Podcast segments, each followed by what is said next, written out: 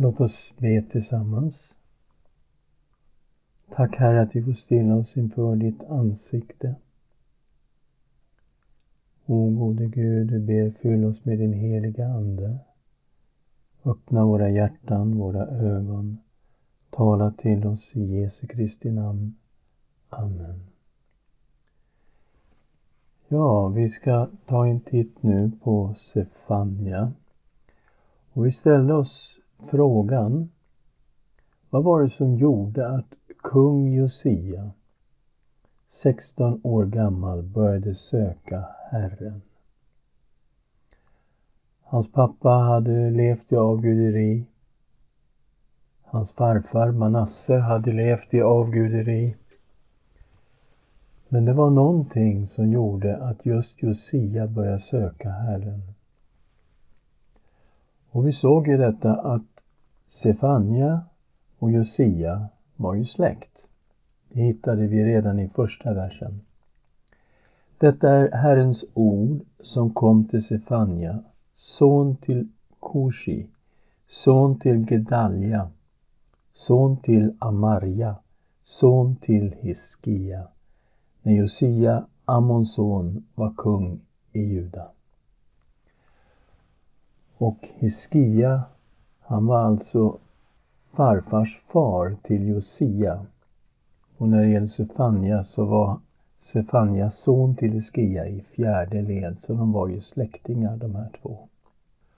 Och jag är rätt säker på att det är den tjänst som Sefania hade som blev det som verkligen påverkade kung Josia att han inte vandrade på sin fars väg eller sin farfars väg utan på sin farfars fars väg, på kung Hiskias väg. Och att han verkligen gav hela sitt hjärta till Herren. Ett huvudtema här som vi kommer att se är Herrens dag. Och vi kommer att möta det i kapitel 1, vers 2 till 18. Men det första vi möter när det gäller Herrens dag det är att det är en domedag och det är en domedag för hela världen. Vi ska läsa vers 2 och 3. Jag ska sopa bort allt från jordens yta, säger Herren. Jag ska sopa bort människor och djur. Jag ska sopa bort himlens fåglar och havets fiskar och de som förleder tillsammans med de ogudaktiga. Jag ska utrota människorna från jordens yta, säger Herren. Och vi möter här en dom över hela världen, hela skapelsen. Precis som vi läste om det i Noas tid i Första Mosebok kapitel 7. Och vi reagerar ju väldigt starkt när vi möter sådana här domsprofetier att hela världen skulle vara under Guds dom. Men det är som jag också skrev i bakgrundsstudiet att Paulus följde ju faktiskt samma tema i Romarbrevets första kapitel i Romarbrevets tre första kapitel där han inledde sitt budskap med Guds vrede över synden och fortsatte med Guds dom över alla människor. Och Paulus slog fast att alla är syndare och står med skuld inför Gud. Och det är först efter den här situationen, när vi är inne i det tredje kapitlet, som Paulus presenterar Guds lösning på människans olösliga problem i Jesus Kristus. Vi går vidare här i Sefania och vi möter en fråga, men gäller den här domen också Guds utvalda folk? Gäller den Juda och Jerusalem? Ja, det gör den verkligen. Kapitel 1, 4 13. Och vi ser här att det är avguderiet som ska straffas. Vers 4. Jag ska sträcka ut handen mot Juda och mot alla som bor i Jerusalem.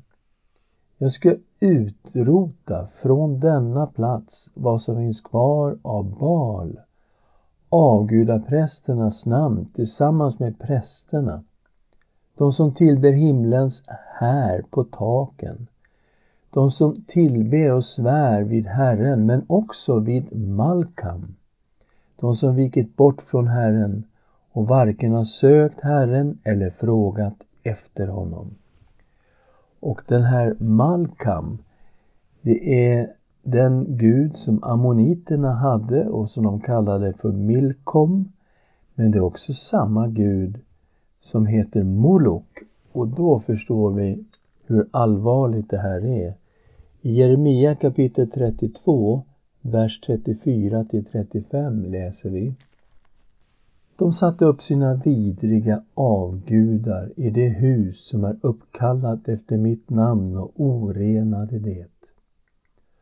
Och Balshöjderna i Hinnomsons dal byggde de upp för att offra sina söner och döttrar åt Molok fastän jag aldrig hade befallt dem att göra något så avskyvärt eller ens tänkt med det så lockade de även Juda till synd. Så de offrade sina söner och döttrar till Molok och det rör sig tyvärr om barnoffer, människooffer. Så sådana här fruktansvärda saker pågick i Juda och Jerusalem. Och de hade vikit bort från Herren och sökte honom inte och frågade inte efter honom. Och de styrande i Juda och Jerusalem skulle dömas. Vers 7. Var stilla inför Herren, för Herrens dag är nära. Herren har förberett ett slaktoffer. Han har helgat dem, han har inbjudit. Och det ska ske på dagen för Herrens slaktoffer, att jag ska straffa förstarna och kungasönerna och alla som klär sig i utländska kläder. Och det är klart, förstarna och kungasönerna, det är ju Sefanias egen släkt. Han var ju också av kunglig börd. Men adeln kommer att straffas. De som klär sig i utländska kläder, ja det var ju de här människorna som var rika, som hade möjlighet att resa till olika länder runt omkring. Men det var också där de tog till sig deras avgudar och deras sätt att tillbe de här avgudarna. På den dagen ska jag straffa alla som hoppar över tröskeln dem som fyller sin herres hus med våld och svek. Och vad är detta med att hoppa över tröskeln? Ja, det är ett sätt att respektera Dagon som var Filistenas gud. Vi läser om ursprunget till den här kulten i första Samuelsboken kapitel 5, vers 1. Och nu är vi i slutet av domartiden och det har varit en strid och filisterna har lyckats ta Herrens ark, förbundsarken. 5 och 1. Filisterna tog Guds ark och förde den till Eben Ezer, till Ashdod. De bar in Guds ark i Dagons tempel och ställde den bredvid Dagon när ashdoditerna tidigt nästa dag kom dit fick de se Dagon ligga framstupa på marken framför Herrens ark.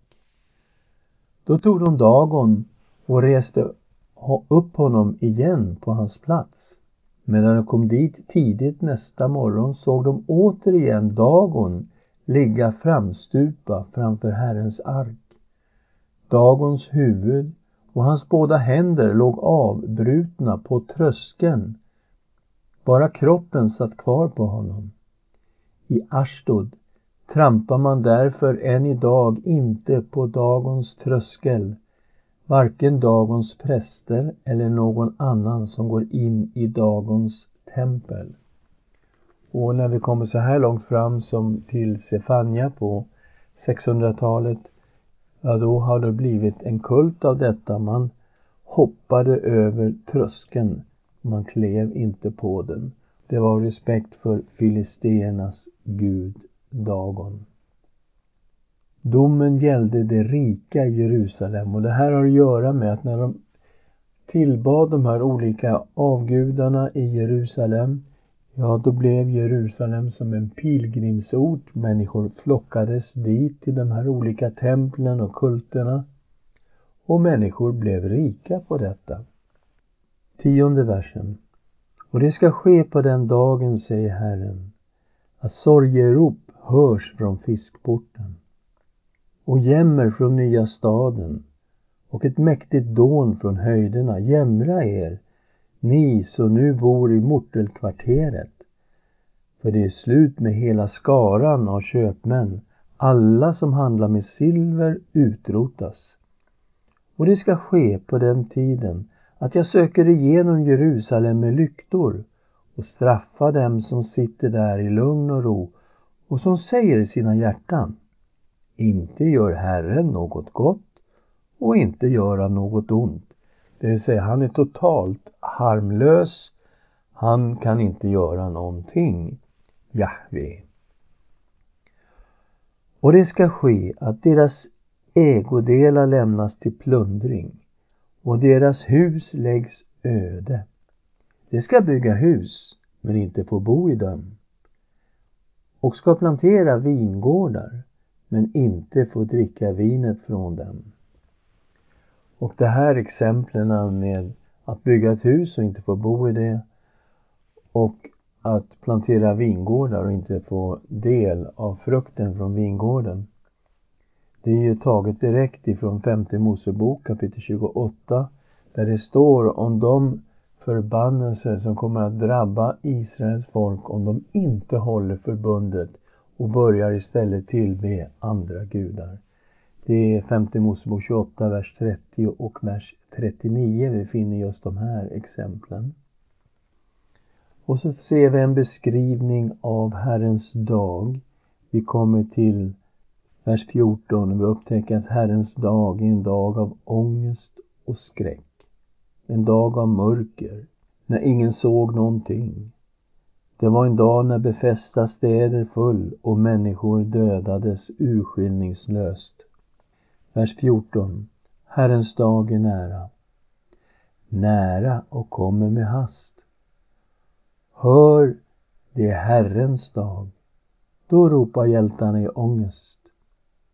Den dagen är en vredens dag.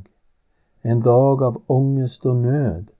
En dag av ödeläggelse och förödelse en dag av mörker och dimma, en dag av moln och dis, en dag då hornstöt och härskri hörs mot de befästa städerna och de höga murtornen. Då ska jag ge människorna sådan ångest att de går omkring som blinda därför att de har syndat mot Herren. Deras blod ska spridas som stoft och deras inälvor som gödsel. Varken deras silver eller deras guld ska kunna rädda dem på Herrens vredes dag. Av hans lidelses eld ska hela jorden förtäras.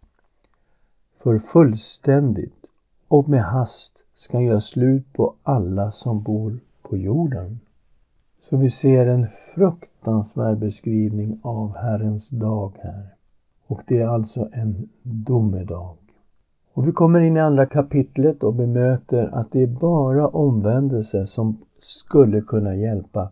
Men vi möter också detta att inte ens en omvändelse till Herren är säker för att slippa undan domen. 2.1 Samla er och kom samman, du folk som inte skäms innan beslutet genomförs. Den dagen far fram som agnar, innan Herrens vredes glöd drabbar er, innan Herrens vredes dag drabbar er. Sök Herren, alla ni ödmjuka i landet, ni som gör vad han befaller. Sök rättfärdighet, Sök ödmjukhet. Kanske blir ni beskyddade på Herrens vredes dag. Så det finns ett kanske här, inte ett, ett eh, löfte att de kommer att bli beskyddade, utan det kanske blir så. Och så tar profeten Sefania upp Guds domar över grannfolken runt omkring Juda. Först tar han upp Filisterna från kapitel 2, vers 4 till 7. Filisterna bodde ju väster om Juda längs Medelhavskusten, ungefär där Gaza finns idag. De skulle utplånas som nation. Och vi vet att det här uppfylldes när Babels kung Nebukadnessar besegrade dem 588 f.Kr. Och det var ju också kung Nebukadnessar som 586 intog Juda, förstörde Jerusalem och förde Juda till Babel. Samma sak hände med folken runt omkring. Det här var det brutala sätt som babylonierna gjorde med folken som de besegrade. Och det står om Filisternas boplatser att den skulle bli som en betesmark för en kvarleva, en rest av judar. Och det här begreppet kvarlevan, det var ju det som vi mötte så tydligt i Jesajas bok. Men det återkommer också här i Sefanjas bok. Så kvarlevan, det är en troende del av Israels folk. Det är människor som har vänt om från synden och som följer Herren. Sen kommer han till Moab och Ammon och det är de som låg öster om Juda i dagens Jordanien. Kapitel 2, vers 8 till 10. De här folken skulle dömas för att de hade hånat och förolämpat judarna. De skulle förgöras och bli som Sodom och Gomorra. Återigen, Babels kung Nebukadnessar raserade de här länderna 582 före Kristus. Sen har vi nubierna i kapitel 2, vers 11 till 12. Och man kan undra varför nubierna? Alltså nubierna, de bodde i södra Egypten och det som är norra delen av Sudan idag.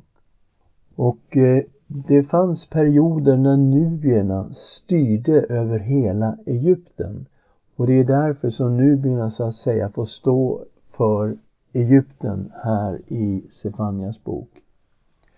Och Guds domar skulle gå över nubierna. Och sen kommer förstås Assyrien.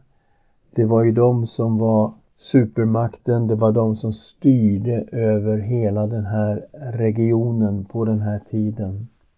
Vi vet också att Assyrien hade börjat få problem med att hålla ordning på sitt väldiga imperium. Det är som att imperiet hade blivit för stort och det var för många folk som gjorde uppror på olika sätt emot dem. De hade tappat det grepp de hade haft om Egypten redan 655 vi har sagt att Sefania bär fram sina profetier, vi tror mellan 638 och 628. Och Babel och Medien i västra, i västra Iran, de gjorde uppror med jämna mellanrum. Och Safanja uttalar en dom över huvudstaden i Assyrien, Nineve. Och han sa att den här staden kommer att ödeläggas vilda djur kommer att bo där. Och när Babel väl frigjort sig från Assyrien 626 f.Kr. då hotades ju hela det assyriska riket. Och det var många olika slag, ibland vann assyrierna, ibland vann babylonierna. Men det var Babel som tillsammans med Medien intog Nineve. Och det skedde 612 f.Kr. och när de intog Nineve så förstörde de staden. Så den här profetian som finns här om Nineve ifrån Sefania, den gick i bokstavlig uppfyllelse. Vi kommer in i tredje kapitlet. Här möter vi att Jerusalem ska dömas för sin synd. Och det är som en åter upprepning av det vi mötte i kapitel 1 som också var riktat väldigt mycket mot Jerusalem. Vi läser vers 1-4 och ser att alla betydande personer, alla i ledande ställning kommer att möta Guds domar.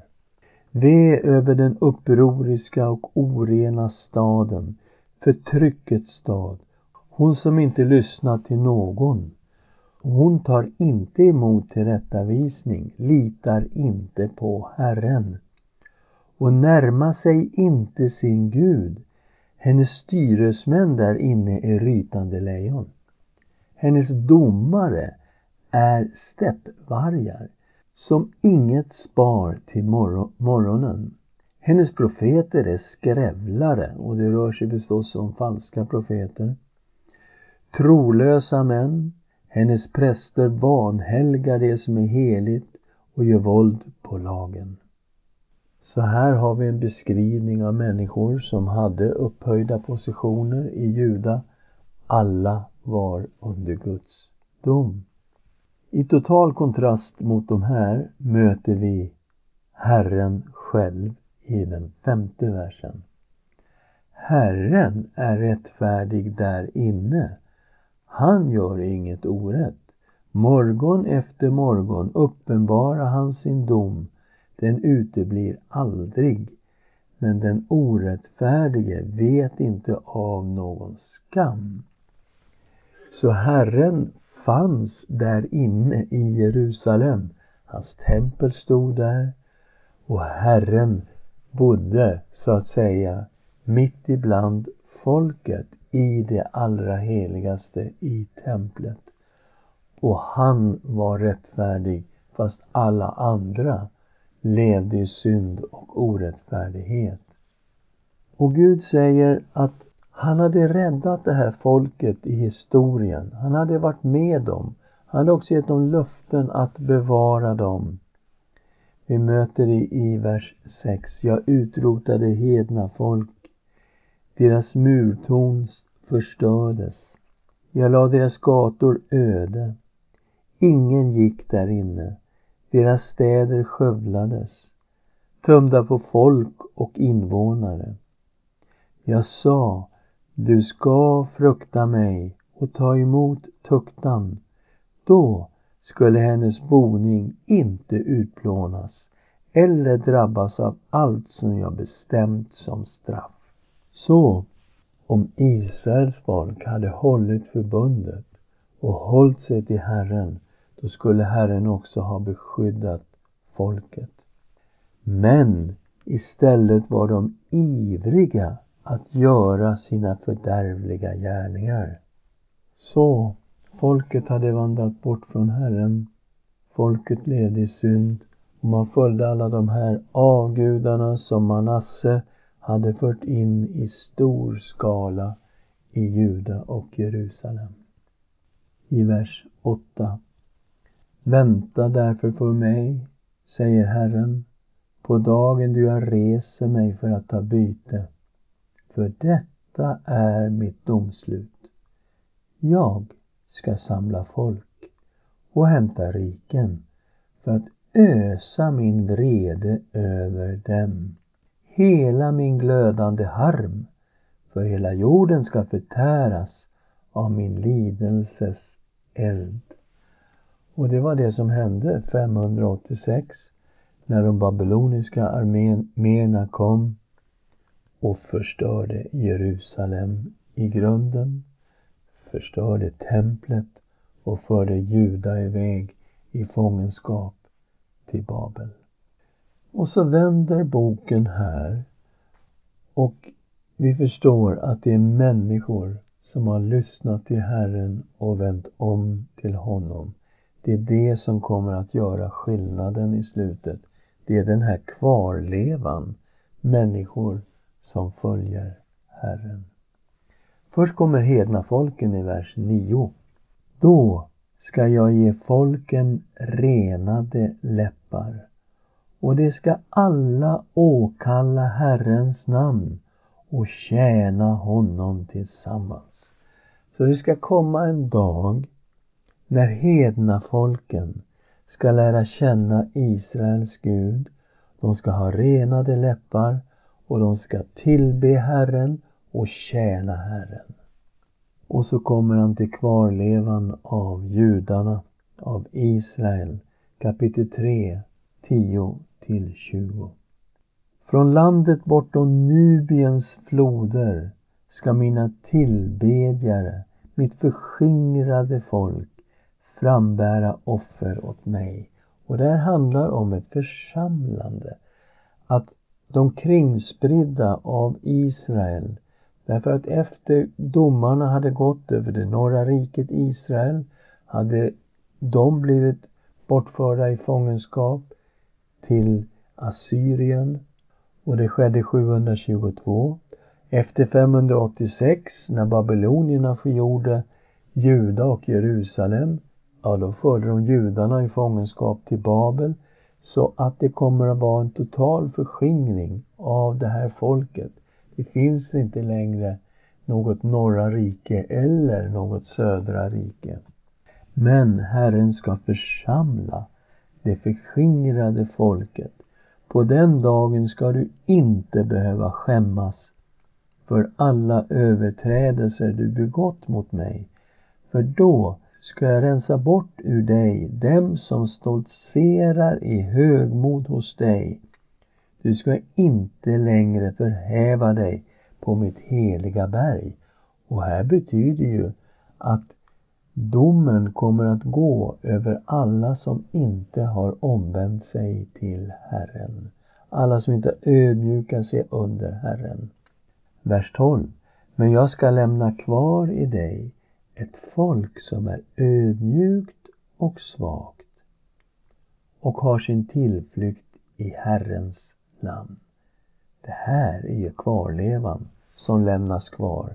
Det är människor som är troende och som tillber Herren. Det som är kvar av Israel ska inte göra orätt eller tala lögn och ingen falsk tunga ska finnas i deras mun. De ska få beta och lägga sig ner utan att någon skrämmer dem. Och här är bilden av att Guds folk, kvarlevan, är som en fårjord som kan beta i lugn och ro. Vad blir resultatet av att Gud gör så här? Ja, resultatet blir jubel, tacksägelse och lovsång. Vi kommer till fjortonde versen. Jubla dotter Sion. Ropa av glädje Israel. Var glad och fröjda dig av hela ditt hjärta, dotter Jerusalem. Herren har tagit bort straffdomarna ifrån dig och röjt bort din fiende. Herren, Israels kung, bor i dig. Du ska aldrig mer frukta något ont. Vers 16. På den dagen ska det sägas till Jerusalem, var inte rädd Sion. Låt inte dina händer sjunka. Herren din Gud bor i dig, en hjälte som frälser. Han gläder sig över dig med lust. Han tiger stilla i sin kärlek. Han fröjdas över dig med jubel. Och här är det Gud som jublar. Tidigare uppmanades Jerusalems folk att jubla. Men här är det Herren som gläder sig och han gläder sig med jubel. Vers 18. Jag ska samla dem som sörjer över högtiderna, dem som varit skilda ifrån dig och nu bär föraktets börda.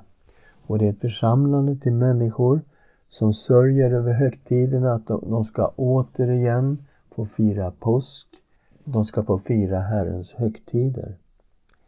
Se, på den tiden ska jag ta itu med alla som har plågat dig. Jag ska frälsa de haltande och samla de fördrivna. Jag ska göra dem till lovsång och berömmelse över hela jorden där de varit så hånade. Så den här kvarlevan kommer att bli en lovsång bland hedna folken. De kommer att tacka Herren för kvarlevan och de kommer få en berömmelse över hela jorden där de varit så hånade. På den tiden ska jag föra er hem. Då ska jag samla er, för jag ska göra er till berömmelse och lovsång bland jordens alla folk när jag gör slut på er fångenskap inför era ögon, säger Herren. Och den här fångenskapen här, det är klart att man kan tänka sig här, det norra riket som var i Assyrien vid den här tiden, men man kan också tänka sig rent profetiskt att det södra riket som Sefania profeterade i, det kommer snart, ett antal årtionden, att föras bort till fångenskap i Babel och sen ska de få återsamlas. Den fångenskapen är ju någonting som absolut skulle kunna åsyftas här. Men vi ser också någonting som är uppfyllt i det nya förbundet i Jesus Kristus. Och vi kommer nu att titta på detta med Sefanias bok och Nya Testamentet. Därför att när vi tolkar den här boken i ljuset av NT, det första vi noterar det är att apostlarna och de första judekristna, de såg på sig själva som kvarlevan i sin generation. De var den troende delen av Israel, de som hade förstått att Jesus från Nasaret var Messias, Guds son. Han var deras Herre och Frälsare och de följde honom. Det här är ju den undervisning som vi möter hos Paulus Romarbrevet 9, 27-29 där han tar upp kvarlevan som fanns i Jesajas tid och sen i kapitel 11, vers 1-5 där han tar fram kvarlevan som fanns under hans egen tid och jämför den med den som fanns på Elias tid. Vi läser Romarbrevet 11, vers 1-5. Jag frågar nu, har då Gud förkastat sitt folk? Verkligen inte. Jag är själv israelit av Abrahams ett och av Benjamins stam. Gud har inte förkastat sitt folk som han en gång har erkänt som sitt. Eller vet ni inte vad skriften säger, där den talar om Elia? hur han vänder sig till Gud och anklagar Israel. Herre, de har dödat dina profeter och rivit ner dina altaren. Jag ensam är kvar och de är ute efter mitt liv. Men vad är Guds svar till honom? Jag har lämnat kvar åt mig 7000 man som inte har böjt knä för Baal. På samma sätt finns också nu i denna tid en rest som Gud har utvalt av nåd. Paulus säger att jag är en del av den här resten och alla judekristna, alla apostlarna, alla är en del av den här resten. Det finns en rest nu som Gud har utvalt av nåd. Så precis som det var i Jesajas tid, som det var i Elias tid, och jag har sagt det förut, jag säger det igen.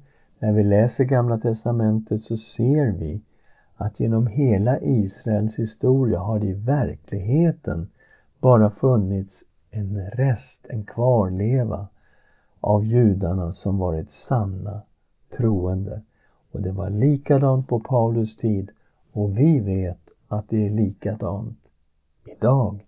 Det finns messianska judar de växer, de evangeliserar bland israelerna och vi ser också nu hur fler och fler judar vänder sig till Herren och tar emot Jesus Kristus som sin Herre och Frälsare.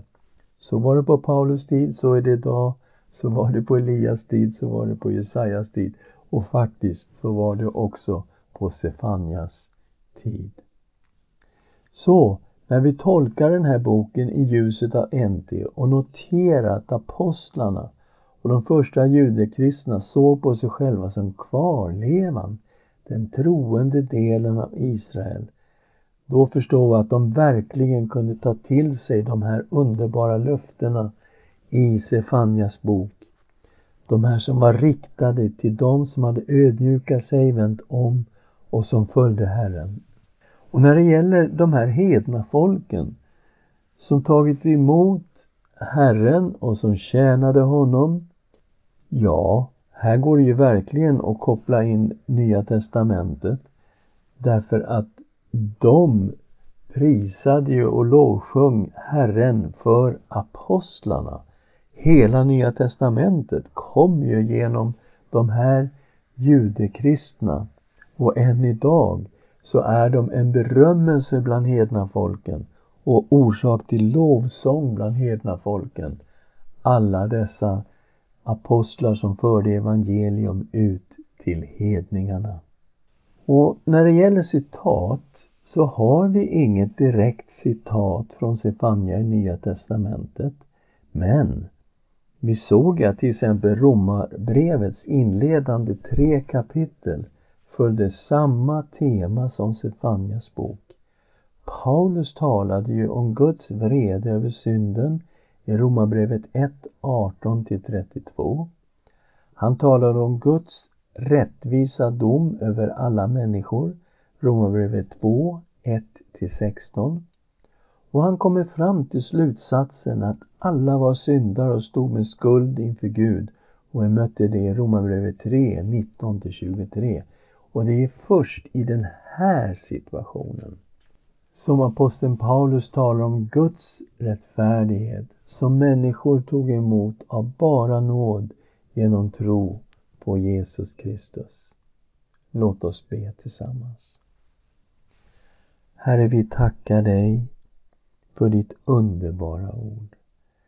Vi vet att detta med din dag, Herrens dag, är en domedag. Vi möter det gång på gång hos profeterna. Men vi ser det också i Nya Testamentet att en dag ska du döma världen. Och vi vet att vi är alla skyldiga. Vi är alla syndare. Men vi tackar dig så innerligt mycket för Jesu Kristi blod som renar oss från all synd. Och tack Herre för att du är vår frälsare. Idag och imorgon och i all evighet. Och vi ser när vi läser löftena som du gav när det gäller hedna folken, när det gäller kvarlevan för Israel, så ser vi hur väl detta är uppfyllt i Nya Testamentet. Vi tackar dig för ditt ord. I Jesu Kristi namn. Amen.